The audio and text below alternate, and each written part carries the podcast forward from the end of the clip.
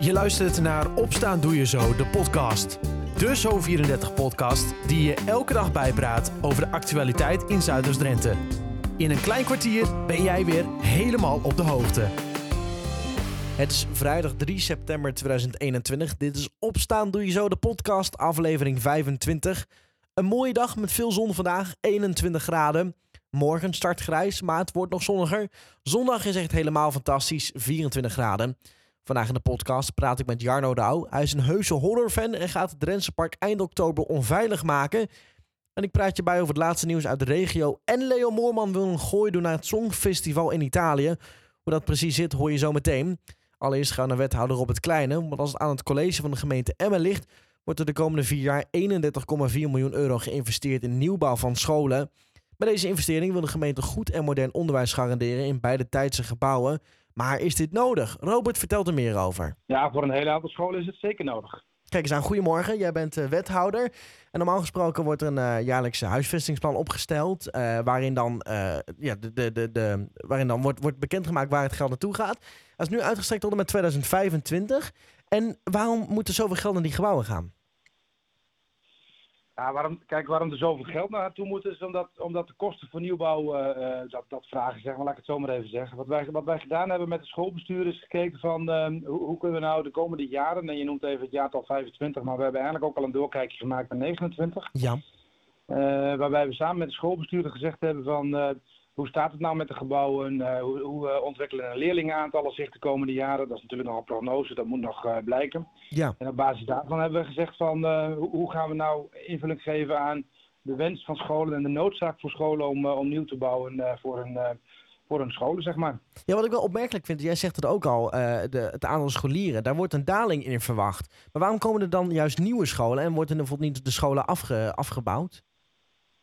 Nou, je ziet wel in een aantal locaties dat, dat er niet, uh, niet allemaal nieuwe scholen komen. We zijn nu bijvoorbeeld bezig in Emmerkopaskum. Daar zetten we één nieuwe school neer voor, uh, in de plek voor, uh, voor een aantal andere scholen, zeg maar. Dus we, het is niet zo dat alle scholen één op één vervangen worden. Er worden ook wel scholen samengevoegd. Ah, oké. Normaal gesproken wordt er dus een, wat ik net al zei, een jaarlijks huisvestingsplan opgesteld. Dat is nu uitgestrekt tot en met 2025. Van waar deze verandering dat het opeens wordt uitgestrekt? Nou, wat je de afgelopen jaren zag is dat wij uh, eigenlijk elk jaar opnieuw een discussie met elkaar hadden van welke school heeft nu voorrang, welke moeten nou als eerste.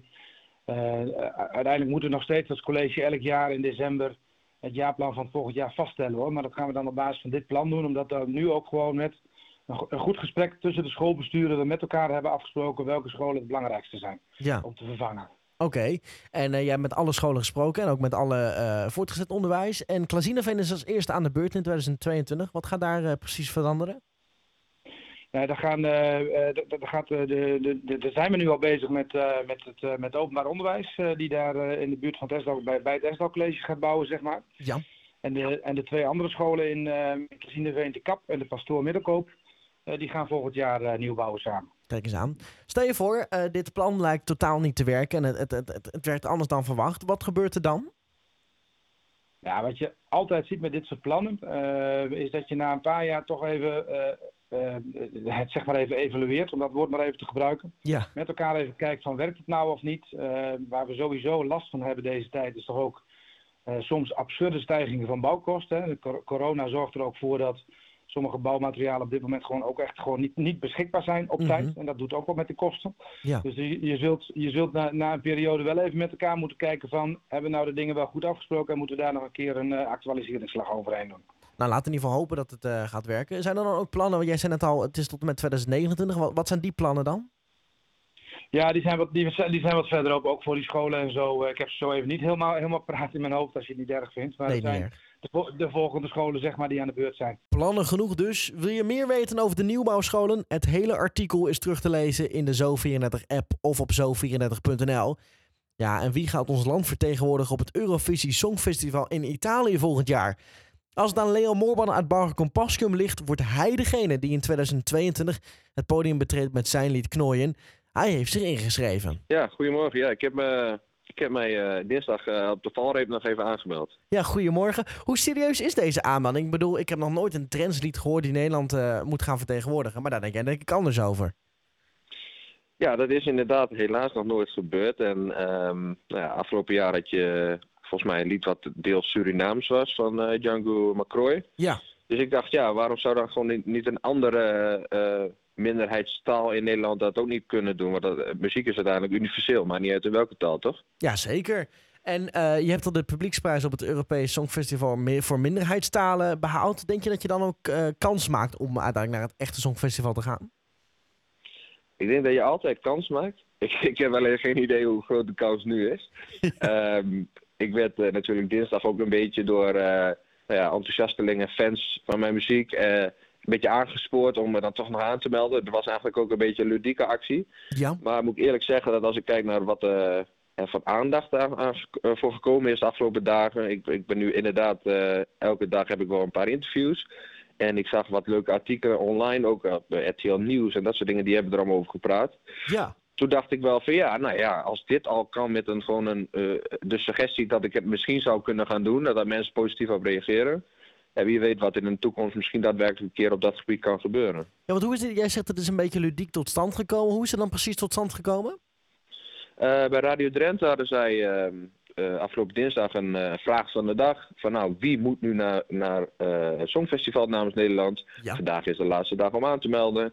En toen hebben een aantal luisteraars eh, hebben mijn eh, naam genoemd. En één daarvan die werd ook echt gebeld in de uitzending. En die had een heel pleidooi waarom ik dat dan moest zijn. Ja. en toen, eh, dat heb ik live gehoord. En toen dacht ik, ja, klinkt allemaal wel inderdaad wel als, eh, als iets waar ik zelf ook wel in geloof. Ja. Dus laat ik dat maar doen.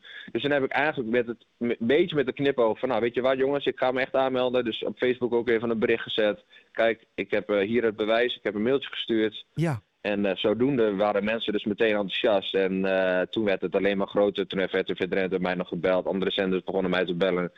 En nou ja, toen is het uiteindelijk een heel groot bericht geworden in allerlei medi- media. Ja, want het leeft echt, hè? Want ik zag laatst op Facebook ook al eh, een, een, een, een, ja, een groep voorbij komen waarin ze jou helemaal promoten dat je het moet gaan doen.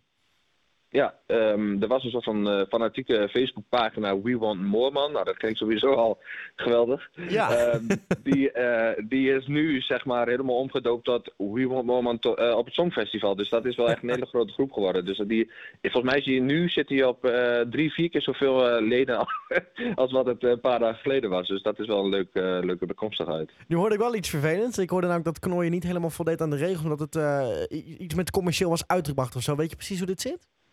Ja, ik heb, eh, ik heb natuurlijk ehm eh, liedje Knooien inderdaad opgestuurd, omdat ik dacht van ja, die is perfect eh, geknipt voor nou, waar de, het liedje aan moest voldoen. Hè. Het moest authentiek zijn, authentieke sound. Nou, sowieso in het Drents. Ja. Knooien gaat überhaupt over authentiek zijn. Het liedje mo- mocht niet langer dan drie minuten zijn. Nou, dat klopt ook. Knooien is precies eh 2 minuten 59 volgens Ja. mij. Nou, al die, dat soort dingen. En één eh, voorwaarde was dat het lied- liedje nog niet uitgebracht was. En ja, toen had ik zoiets van, ja, maar een liedje is voor de rest zo geschikt. Ik denk, eh, ik stuur hem gewoon op en we zien wel of ze misschien nog willen knooien met de reglementen. Ja, precies. Heb je dan ook alternatieven meegestuurd? Of is het echt, is, is het echt alleen knooien?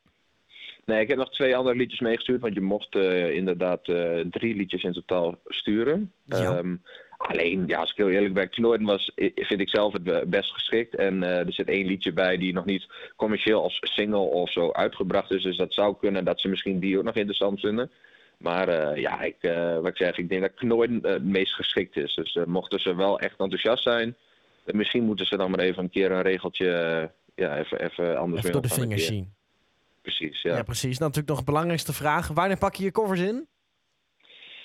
Ja, nou, het duurt sowieso denk ik nog wel een maand of wat eh, totdat ze al die liedjes hebben geluisterd. Want ik denk dat er echt duizenden eh, zijn gestuurd. Dus die commissie heeft er nog een zware kluif aan. Ja. Eh, ja, en volgens mij is het Songfestival altijd in mei, hè. Dus ja, dan, als het zover is, dan, ja, dan zal het in mei plaatsvinden, ja. Ik wens Leon het allerbeste en hoop uiteraard dat zo'n lokale held Nederland mag gaan vertegenwoordigen met het Drents nummer in Italië. Het hele verhaal is terug te lezen in de app of op zo34.nl. En in de app en de site kun je ook altijd terecht voor het laatste nieuws uit de regio. Ruim 100 vrijwilligerorganisaties zoals dorphuizen, sportverenigingen en cultuurorganisaties kunnen een beroep doen op een financieel steuntje in de rug. De provincie Drenthe heeft een ton beschikbaar gesteld aan de gemeente Emmen bedoeld om instanties in staat te stellen een frisse start te maken na de barre coronatijden. Alle type organisaties die draaien op de inzet van vrijwilligers konden een aanvraag indienen. Vrijwilligerorganisaties kunnen met deze regeling tot 31 maart 2022 een activiteit organiseren. Voorbeelden van deze activiteiten zijn onder andere zangvoorstellingen, knutselmiddagen, een yogacursus, kookcursussen en zomerkampen. Rolstoeltennisser Tom Egberink heeft de finale bereikt op de Paralympische Spelen in Tokio. De 28-jarige Egberink, die werd geboren zonder bovenbeen, versloeg de Britse favoriet Alvi Heywet in twee sets, 6-4 en 7-6. Na het laatste punt schreeuwde de rolstoeltennisser uitdalen het uit van vreugde. De nummer 8 op de plaatsingslijst neemt het in de finale op tegen de als eerste geplaatste Japaner Shingo Kunida. En het college van de gemeente Emmen wil de komende vier jaar 31,4 miljoen euro investeren in de nieuwbouw van scholen. Met deze investering wil de gemeente goed en modern onderwijs garanderen in moderne gebouwen. Tot en met 2025 wordt het vizier gericht op de financiering van nieuwe panden in of bij Klasinaveen, Nieuw-Schonebeek, Wijteveen en in de Emmerwijken Delflanden en Bargeres. Normaal gesproken stelt de gemeente Emmer jaarlijks een huisvestingsplan op, maar nu strekt dat zich uit tot en met 2025. Wethouder Robert Kleine heeft overleg gevoerd met alle scholen in het basisonderwijs en het voortgezet onderwijs over de plannen en de volgorde waarin ze uitgevoerd worden. Voor meer nieuws uit de regio kun je altijd kijken op zo34.nl of in de gratis app. Ook dit weekend kun je er terecht. En bloeddorstige zombies, gemuteerde elfen en door de pest aangevreten middeleeuwse kooplieden. Eind oktober is niemand meer veilig in het Drentse Park. Er wordt dan een heuse horrortocht gehouden genaamd Dark Nights.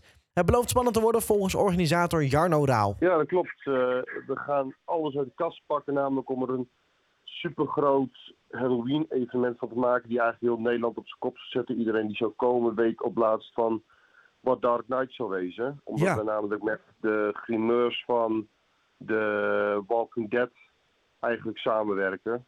Dus Ja, dat vet. zegt eigenlijk al genoeg. Die ook in, voor eh, ja, in Amerika grote projecten doen. En met veel films samenwerken. Dus we hebben wel de beste grimeurs eigenlijk die we in Nederland kunnen krijgen. Ja, vet, hoor. wereld. Ja, Jar- Jarno, jij bent een groot horrorfan, heb ik me laten vertellen. Dan is dit geen, niet echt een onbekend terrein voor jou, want je hebt best wel wat ervaring als het gaat om horrortochten, dat soort dingen. Ja, ja, we hebben sowieso eh, al vanaf kleins af aan eigenlijk elk jaar zijn we naar Walibi Friday geweest. Een heel weekend lang. Dan hadden we dan, eh, waren mijn ouders altijd van, die huurden altijd dan een huisje. Dan gingen vrienden, familie, allemaal gingen mee dan. Ja. En dan waren we echt, eh, elk jaar waren we daar dan. En dan had je dus elk jaar dat we, dat echt van al die spookhuizen had je dan in scare zones. En daar heb ik eigenlijk de hele ideeën weggehaald van, nou weet je, dit wil ik graag orga- organiseren. Want de jaren ervoor was het namelijk echt met, nou je loopt een rondje, je hebt alles een beetje gehad en je gaat weer weg. En ik denk van, nou, alles wat hun kunnen daar, kunnen wij hier ook. Alleen wij hebben geen attracties, dacht ik. Dus wat moet ik doen? In plaats van attracties moet ik zorgen dat ik de beste grimeurs krijg. Om alsnog een grote, grote indruk achter te laten. Op de fans natuurlijk voor horror en überhaupt voor een evenement. Ja, vet zeg. Ja, je zei het al, grimeurs van The Walking Dead. En ook zelfs een special effect bedrijf dat onder andere actief is in Hollywood. Hoe ben, hoe ben je bij deze mensen gekomen?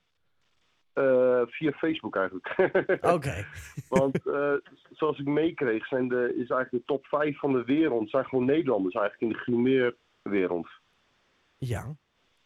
Dus dat kreeg ik dus mee van die mensen. Dus dat, dat is eigenlijk de top 5 van de wereld. En eh, zo, zo kwam ik er dus in één keer bij, want dat, dat wist ik zelf niet eens. Ik denk van nou, dat zou wel gewoon Amerikanen zijn of zo, die, die, die Mhm. grote films doen. Maar blijkbaar zijn het gewoon Nederlanders die ertussen lopen.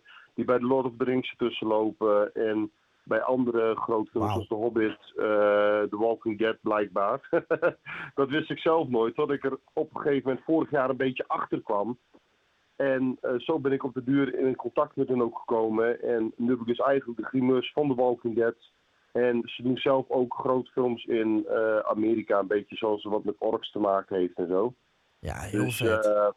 ja, dus we hebben dus wel echt eigenlijk de beste grimeurs eigenlijk die je maar kunnen krijgen voor een Halloween evenement. Ja, ja vroeger, eh, vroeger ken ik nog wel in het Drentse park. Daar werd natuurlijk ook wel eens omgetoverd. Dat heette dan Boe en de Ja. Zoe van Gerald Jansen. Volgens mij heeft Gerald jou Klopt. opgebeld, toch? Of jij het wil overnemen?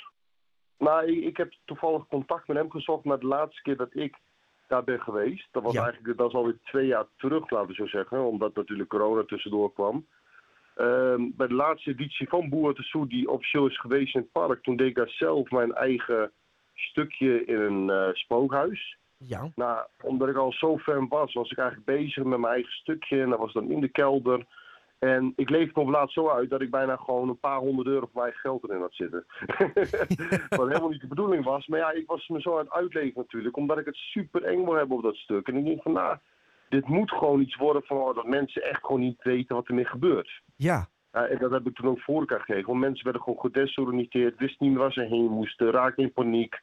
en toen kwam ik natuurlijk met een kettingzaag om de bocht wegzetten. En nou, ik, ik heb zelfs grote jongens gehad, die vlogen me tegen de muren omhoog. Die wisten niet waar ze heen moesten, dus die vlogen me tegen de muren omhoog daar zo. Ja. ja, dat doe je dan Dus ja, goed. Ja, na die tijd ben ik met hem in contact gekomen. Dus na die tijd kwam ik met hem in contact, heb ik tegen hem gezegd, nou, wat als we het samen gaan doen? Ik zeg, we gaan het zo en zo en zo doen. Toen zei hij van, ja, hij zegt, dat, dat zou ik wel willen. Hij zegt, maar ja, hij zegt, eh, ik, ik, heb altijd die ideeën wel gehad, maar nooit doorgezet, zegt hij. Ik zeg, maar ik zou wel heel graag willen om gewoon die ideeën door te zetten, om ervoor te gaan, om te laten zien dat het ook lukt.